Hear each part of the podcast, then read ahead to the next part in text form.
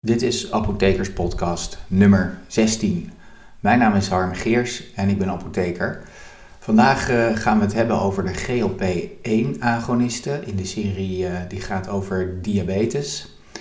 Uh, GLP-1 staat voor glucagon-like peptide. En dat betekent dat het lijkt op glucagon. Hoe dat precies zit, dat, dat ga ik nu uitleggen. Um, GLP-1 is ontdekt doordat um, Edgar Zuns en Jean Labar um, in een uh, fractie die ze hadden geïsoleerd uit de ingewanden, dus de darmen van uh, en die ze injecteerden, uh, zagen zij, zij zagen daar dat dat een verlaging teweegbracht van de glucosespiegel. En ze dachten dat het kwam door een effect wat die middelen hadden op de pancreas, op de alvleesklier. En uh, dat die factor die ze, die ze dachten gevonden te hebben, dat die de insulinesecretie zou bevorderen. Um, ze, ze noemden deze, deze fractie noemden ze incretine.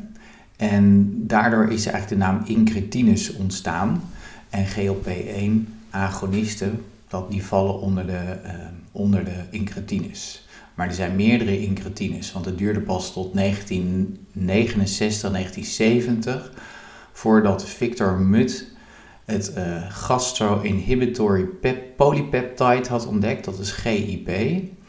En dat gaf een uh, stoplegging van de zuursecretie in de maag en ook uh, de motiliteit, dus de bewegingen van de maag, die werden minder. En ehm, dat GIP zorgde er ook voor dat er meer insuline werd afgegeven en, uh, en had, uh, ja, het had ook bloedglucoseverlagende eigenschappen. En later, in 1983, bleek dat dat gip niet alleen verantwoordelijk was voor het insulineverlagende effect, maar dat dat werd veroorzaakt door een onzuiverheid, een, uh, een onzuiverheid in het extract wat hij had gemaakt. En dat bleek dan GLP-1 te zijn.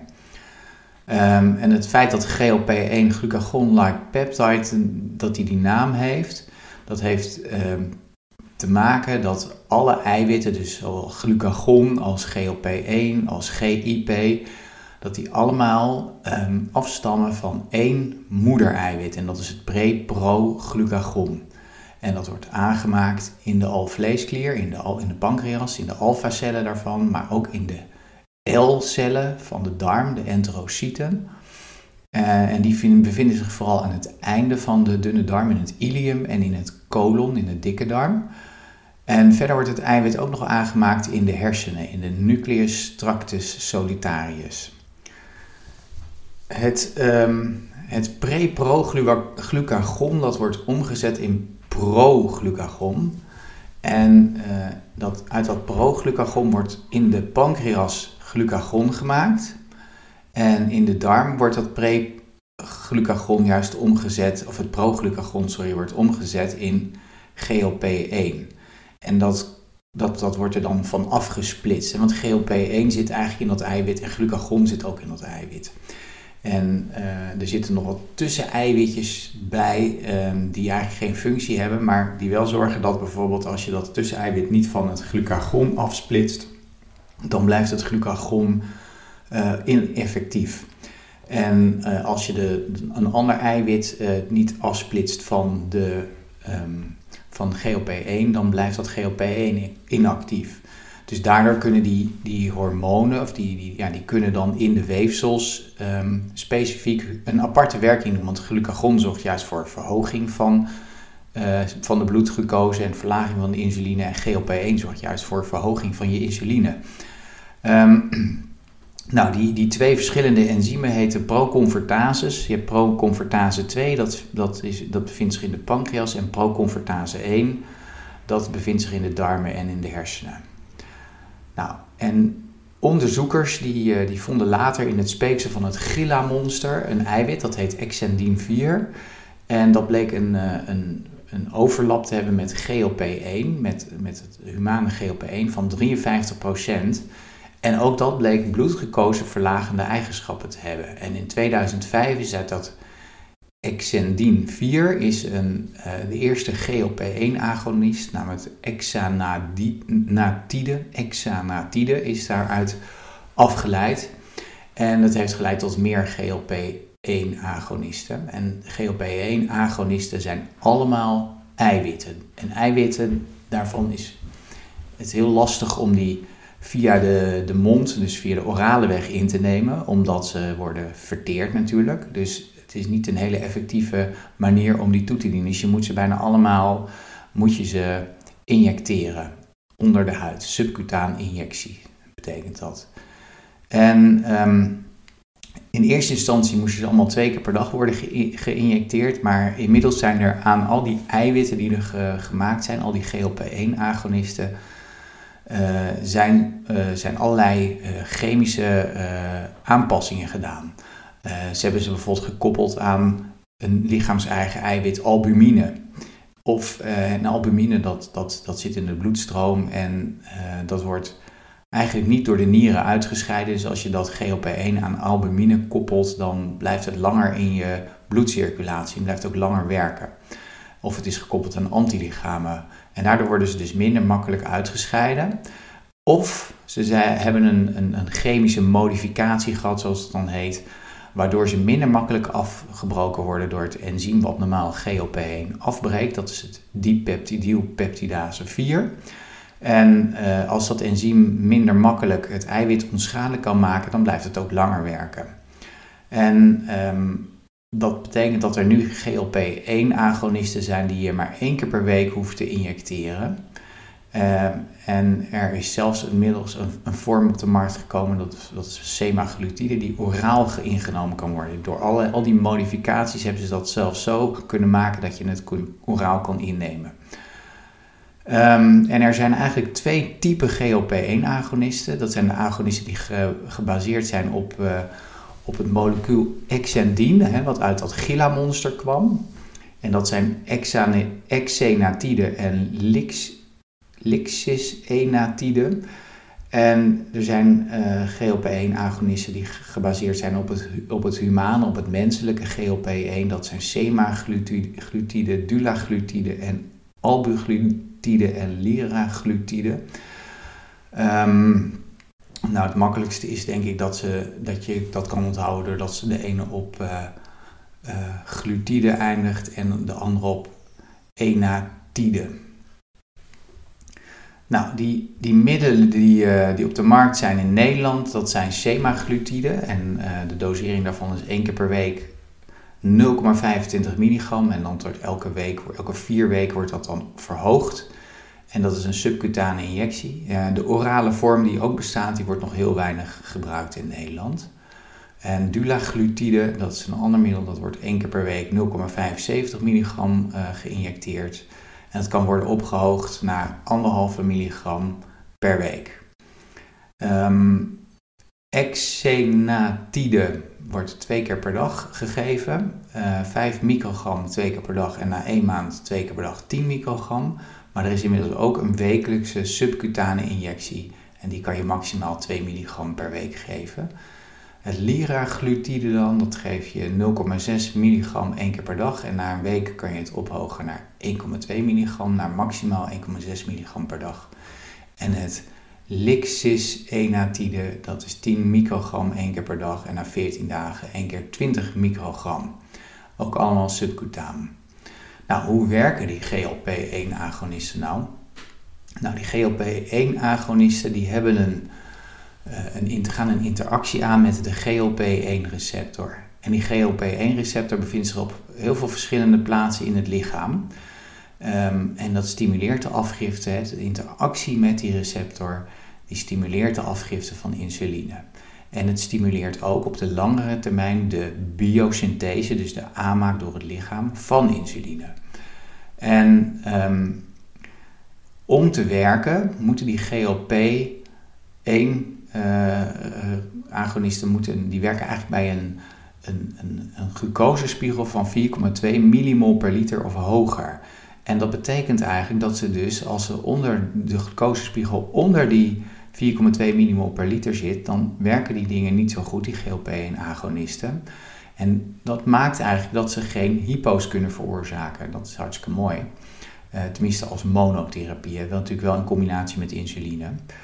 Um, Uh, verder stimuleert GLP-1 de afgifte van somatostatine. En somatostatine remt weer de glucagonafgifte, zodat ook de werking van insuline niet wordt tegengewerkt door glucagon.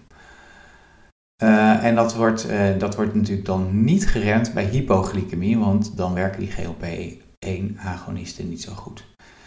Uh, ook in de hersenen werken GLP-1-agonisten en in, daar geven ze een sneller gevoel van verzadiging. Nou, hoe gaat het nou exact in zijn werk? Uh, dat is uh, eigenlijk is het werkingsmechanisme van, um, van GLP-1-agonisten lijkt eigenlijk heel erg op die van sulfonylureum-derivaat, die ik in podcast nummer 15 heb besproken. En waarvan ik op, YouTube, op ons YouTube-kanaal, het YouTube-kanaal van de Apothekers Podcast, ook een filmpje heb gezet. En ook van de GLP-1-agonisten heb ik een filmpje geplaatst over hoe dat precies in zijn werk gaat. En dat is vaak wat handiger, want dan heb je ook een beeld erbij. Um, nou, in eerste instantie uh, treedt er een, uh, een, een, een, interactie, dus een, een, een binding aan de GLP-1-receptor. En die zit aan de buitenkant van de cel. En uh, door die binding met die receptor wordt er meer ATP omgezet in cyclisch AMP. Um, cyclisch AMP stimuleert eigenlijk twee soorten eiwitten. Het proteïne kinase A en het exchange protein activated by cyclic AMP. Dus het, dat noemen ze dan het EPAC1. Dus proteïnekinase A wordt geactiveerd en EPAC1 wordt geactiveerd. Nou, proteïnekinase doet een aantal dingen. Het zorgt voor, uh, um, het zorgt eigenlijk dat, een, dat eiwitten, hè, proteïne kinase A zegt het, het betekent dat het een eiwit uh, of een enzym kan, uh, kan activeren. Hè, kinase betekent in beweging zetten. En dat doet proteïnekinase door een, een eiwit te, een, voorzien van een fosfaatgroep. Dat, en dat noemen ze fosforileren.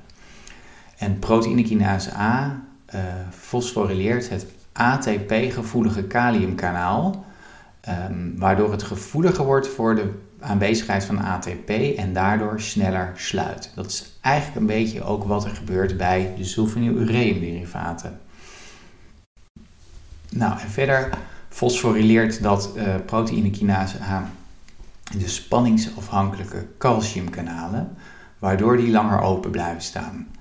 Nou, de combinatie van deze twee effecten, hè, dus het zorgen dat die dat kaliumkanaal gevoeliger wordt voor ATP, waardoor die dicht gaat en er meer kalium in de cel komt. En daardoor, kalium heeft een positieve lading. En door die positieve lading wordt het ladingsverschil tussen de binnen- en de buitenkant van de cel, de binnenkant is altijd negatief ten opzichte van de buitenkant, dat wordt minder. En als dat spanningsverschil minder wordt, dan gaan die calciumkanalen die gaan openstaan.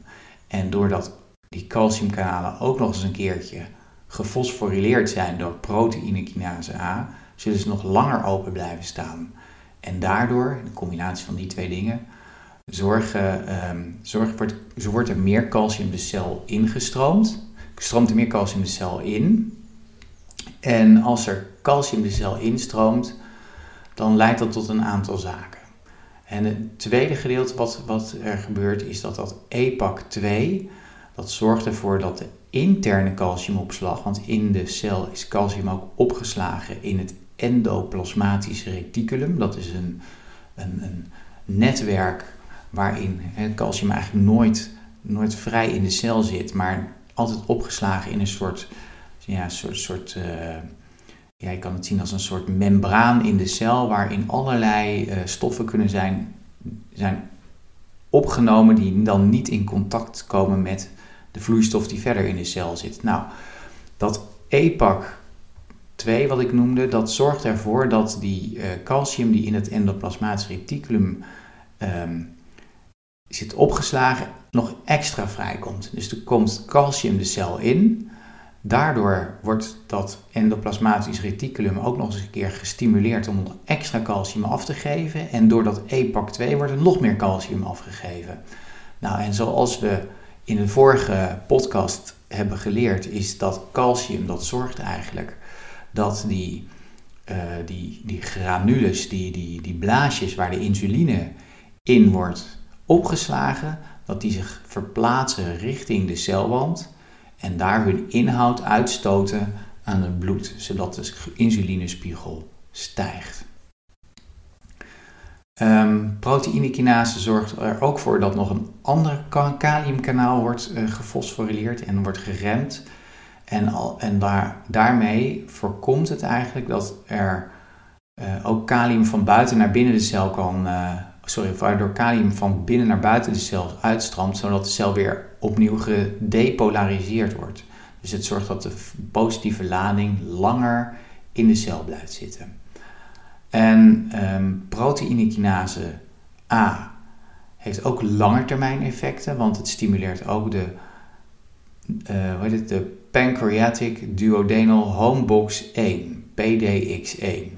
En dat is een eiwit wat zorgt, wat, wat, wat eigenlijk buiten de celkern zweeft. En door die stimulatie gaat dat eiwit de celkern in, gaat een interactie aan met het DNA. En daar zorgt het voor dat, uh, dat de aanmaak van het eiwit um, insuline wordt gestimuleerd. Het is dus eigenlijk een transcriptiefactor die geactiveerd wordt om meer insuline aan te maken. Dus GLP-1-agonisten hebben dus een acuut effect en een langdurig effect. Nou, verder hebben GLP, het is in ieder geval op de insulinesecretie. Verder hebben GLP-1-agonisten ook een effect op de voedselinname. Want ook in de hersenen bevinden zich GLP-1-receptoren. En toediening van GLP-1-agonisten zorgen ervoor dat het hongergevoel minder wordt. En um, GLP-1-agonisten hebben ook een indirect effect op de voedselinname. Want op het moment dat uh, de GLP-1-receptor in de darmen wordt gestimuleerd, en dat hebben we gezien bij het werkingsmechanisme van metformine, dan ontstaat er vanuit de darmen een signaal naar de hersenen via de, de, de nervus vagus. Dat is een, eh, een zenuw die zich overal, zeg maar, een soort detectorzenuw die overal zich bevindt in het lichaam. En die nervus vagus geeft dan weer een signaal naar de hersenen, waardoor er een verzadigingsgevoel optreedt. En dat verzadigingsgevoel, dat treedt op, maar dat treedt, wat er ook gebeurt, is dat er een soort van um, ja, onprettig gevoel ontstaat aan, in het maag-darmkanaal, waardoor er uh, de, de, de, de, degene die, uh, hè, die, die de voedsel inneemt denkt, oh ik heb eigenlijk niet zo'n trek meer om te eten. Dus het maag-darm, het ontstaan zeg maar een soort maag-darmklachten eigenlijk. En um, nou ja, die maag-darmklachten zorgen dus dat je minder gaat eten. Nou, dat klinkt natuurlijk allemaal heel erg mooi en heel erg interessant. Maar werkt het ook in de praktijk? Nou, dat, dat is inderdaad onderzocht. En um, die GLP-1-agonisten die zorgen eigenlijk in de praktijk voor een gewichtsafname ze zorgen ervoor dat je minder trek hebt in voedsel. En ehm, daarmee verlies je ongeveer een half tot 5,5 kilo in 26 weken. En insuline, als je dat vergelijkt, hebben we die groep met een GLP-1-agonist, hebben ze vergeleken met mensen die insuline gebruikten. En de mensen die insuline gebruikten, nam het gewicht juist met 0,3 tot 3 kilo toe. En uh, na die 26 weken dat het uh, getest is, dan neemt het uh, gewicht nog verder af, maar dan stabiliseert het wel. En de daling in het HbA1c is relatief bescheiden. Um, en um, wat heel erg interessant is in, in deze, deze groep geneesmiddelen, want het zijn redelijk nieuwe geneesmiddelen, hè, metformine en sulfonylureumderivaten en insuline, die hebben we al heel lang. Maar omdat er zoveel mensen zijn die diabetes type 2 krijgen, is er heel veel geld en tijd besteed om nieuwe geneesmiddelen te vinden. Nou, deze nieuwe geneesmiddelen, die GLP-1-agonisten, zijn onderdeel daarvan. En die GLP-1-agonisten en die nieuwe geneesmiddelen, die, daarvan hebben we, hebben, heeft de FDA gezegd dat ze een belangrijk, een belangrijk uh, uitgangspunt moeten hebben wil ze op de markt toegelaten worden. En dat uitgangspunt betekent dat ze de uitkomst van hart- en vaatziekten moeten verlagen. De, dus de dood door hart- en vaatziekten, het um, krijgen van een herseninfarct of een beroerte en het krijgen van een hartinfarct. Omdat bij mensen met diabetes dat wel 5 tot 15 keer verhoogd is, dat risico. En die, die uitkomsten, die noemen ze bij elkaar, noemen ze die MACE. Major Adverse Cardiovascular Events. En dat zijn dus dood door hart- en vaatziekten, dood door, door een beroerte of door een hartinfarct. Oh, eh, sorry, het krijgen van een beroerte of een hartinfarct. Nou, die meeste uitkomsten, die zijn, uh, heel veel studies zijn die gedaan. En redelijk kort geleden, in 2019, heeft er in de Lancet Diabetes and Endocrinology, is er een analyse geweest van zeven grote onderzoeken met GLP-1-agonisten die ze, waarvan ze de uitkomsten allemaal op elkaar, bij elkaar hebben geveegd. Dat noemen ze een soort ze meta-analyse. En daarin zijn alle GLP-1-agonisten uh, meegenomen, grote onderzoeken te zoeken. En daar bleek eigenlijk dat als je die studies allemaal bij elkaar voegde, dat de uitkomsten op MACE, dus op major Adverse Cardiovascular Events, met 12% afnam. Ook de sterfte nam met 12% af. Um, het, de opname door hartfalen nam met 9% af, maar dat was, nou ja, net geen toeval kun je zeggen, dus dat was niet zo heel erg duidelijk. En ook de, uh, de microvasculaire problemen, dus de, uh, de, de daling in nierfunctie en het, de uitscheiding van eiwit in de urine en uh, het eindstadium nierfalen nam met 17% af in deze groep mensen. En dus de mensen die in, de studie waren, uh, in die studies waren geïncludeerd, dat waren eigenlijk voor het grootste gedeelte mensen met hart- en vaatziekten, maar er waren ook mensen zonder hart- en vaatziekten. Uh, maar het grootste gedeelte, meer dan 80%, waren mensen met hart- en vaatziekten. En die afname in die effecten waren eigenlijk vooral te zien in de groep mensen die al een hartinfarct hadden gehad, dus die al hart- en vaatziekten hadden. Dus GLP-1-agonisten hebben de meeste effect op patiënten die al hart- en vaatziekten hebben gehad. En dat is dus heel belangrijk, want um, daarmee heb je in, een, een, geneesmiddel in handen wat de, het risico op hart- en vaatziekten en op overlijden, dus op, op hele lange termijn uitkomsten, kan verlagen. Um, nou, Verder bleek ook uit die studies dat er weinig hypo's voorkwamen, eigenlijk geen hypo's en minder kans op hypo's als je dit middel combineert bijvoorbeeld met metformine. Uh, van die GLP-1-agonisten heb je ook nog vaste combinaties met uh, insuline. Maar in Nederland worden die eigenlijk onwenselijk geacht. Omdat je natuurlijk heel snel, als je iets te veel doet, dan heb je eigenlijk twee middelen die iets doen. En als je hem iets te veel toedient bijvoorbeeld, dan, uh, dan kan het leiden tot, wel leiden tot hypo's. Hè? Want insuline kan natuurlijk wel hypo's veroorzaken. Nou, de GLP-1-agonisten worden in Nederland gestart bij iemand met een body mass index van 30 kilogram per vierkante meter. Dat is een BMI, dat is je, um, je, je lichaamsgewicht in kilo gedeeld door je lengte in meters in het kwadraat. En dat moet normaal gesproken bij een gezond gewicht tussen de 20 en de 25 zitten, of tussen de 18 en de 25. En dus als je boven de 30 zit, dan heb je overgewicht. En dan wordt er gestart met een proefbehandeling van zes maanden.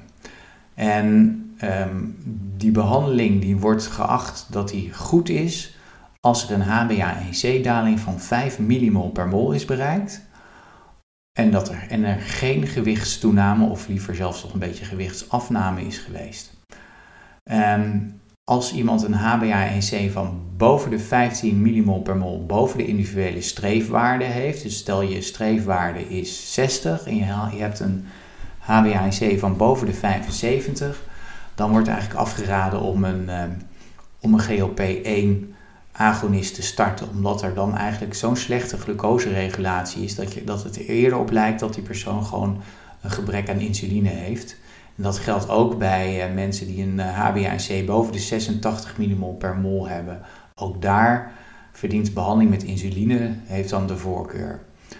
Omdat er, dit gewoon duidt op een hele slechte glucoseregulatie, waardoor eigenlijk een tekort is, of lijkt te zijn, aan insuline. Nou, de bijwerkingen van de GLP-1-agonisten, die, die zijn eigenlijk terug te leiden aan hun werkingsmechanisme. Uh, GLP-1-agonisten die geven doordat ze vanuit de hersenen een signaal geven naar de darmen. En dat heet dan, ja, in het Engels hebben ze een mooi woord, heet het gastric discomfort. Dus dat zijn eigenlijk maag-darmklachten die ontstaan. Uh, die ontstaan natuurlijk ook als je extern GLP-1-agonisten gaat toedienen. Dus in het begin zie je vaak misselijkheid, diarree en verminderde eetlust. En soms komt ook hoofdpijn voor.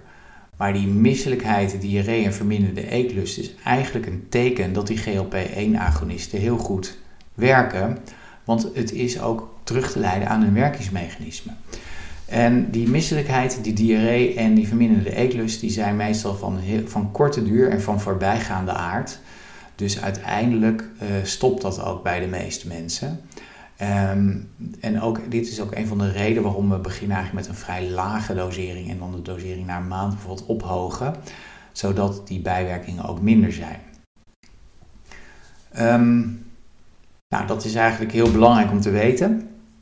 En um, nou ja, wat u natuurlijk zelf kunt doen om te zorgen dat u uh, goed effect heeft van die GLP-1-agonisten, is om te zorgen dat u sowieso een hele positieve sfeer creëert rondom het injecteren van die GLP-1-agonist. En u hoeft dat maar één keer per week te doen, dus doe dat op een dag dat het goed uitkomt om die GLP-1-agonist te injecteren. Doe dat niet op een dag dat u het normaal gesproken heel druk heeft, maar doe dat bijvoorbeeld op, nou ja, de meeste mensen hebben zondag heel weinig te doen. Dan zou je bijvoorbeeld kunnen kiezen om dat op een zondag te doen. En probeer een positieve sfeer te creëren. Gebruik voor de injectie die u gaat toedienen altijd een nieuwe uh, naald. En gebruik niet een naald twee keer, want dan wordt die bot. Dan uh, krijg je kleine braampjes aan die naald die je natuurlijk niet ziet, maar wel die wel een klein beetje schade aanrichten op de injectieplek en waardoor het injecteren een stuk pijnlijker wordt. Um, en tenslotte natuurlijk, blijf bewegen, eet gezond, stop met roken, neem heel weinig alcohol en probeer daarmee uw diabetes om te keren. Want dat werkt beter dan alle pillen bij elkaar. En um, en het is ook veel makkelijker uiteindelijk, uh, omdat, je, omdat je dat eigenlijk niet meer hoeft te denken aan die geneesmiddelen. En er zijn heel veel mensen bij, die bij, bij hun geneesmiddelen gewoon kunnen minderen. En sommige mensen kunnen we zelfs stoppen met die geneesmiddelen. Dus dat is heel belangrijk. Um, de schade die natuurlijk is aangericht als u al heel lang diabetes heeft, die is niet meer om te keren. Maar ja, sommige mensen kunnen toch nog wel echt met hun medicatie naar beneden. Um, dat was het uh, weer voor vandaag voor de Apothekerspodcast. Dank u wel voor uw aandacht. En als u de Apothekerspodcast leuk, leuk vindt, geef hem dan een beoordeling in de, in de App Store. En uh, geef vooral door aan vrienden, familie en kennissen dat u de Apothekerspodcast luistert en dat u het leuk vindt. Hartelijk dank voor het luisteren en tot volgende week.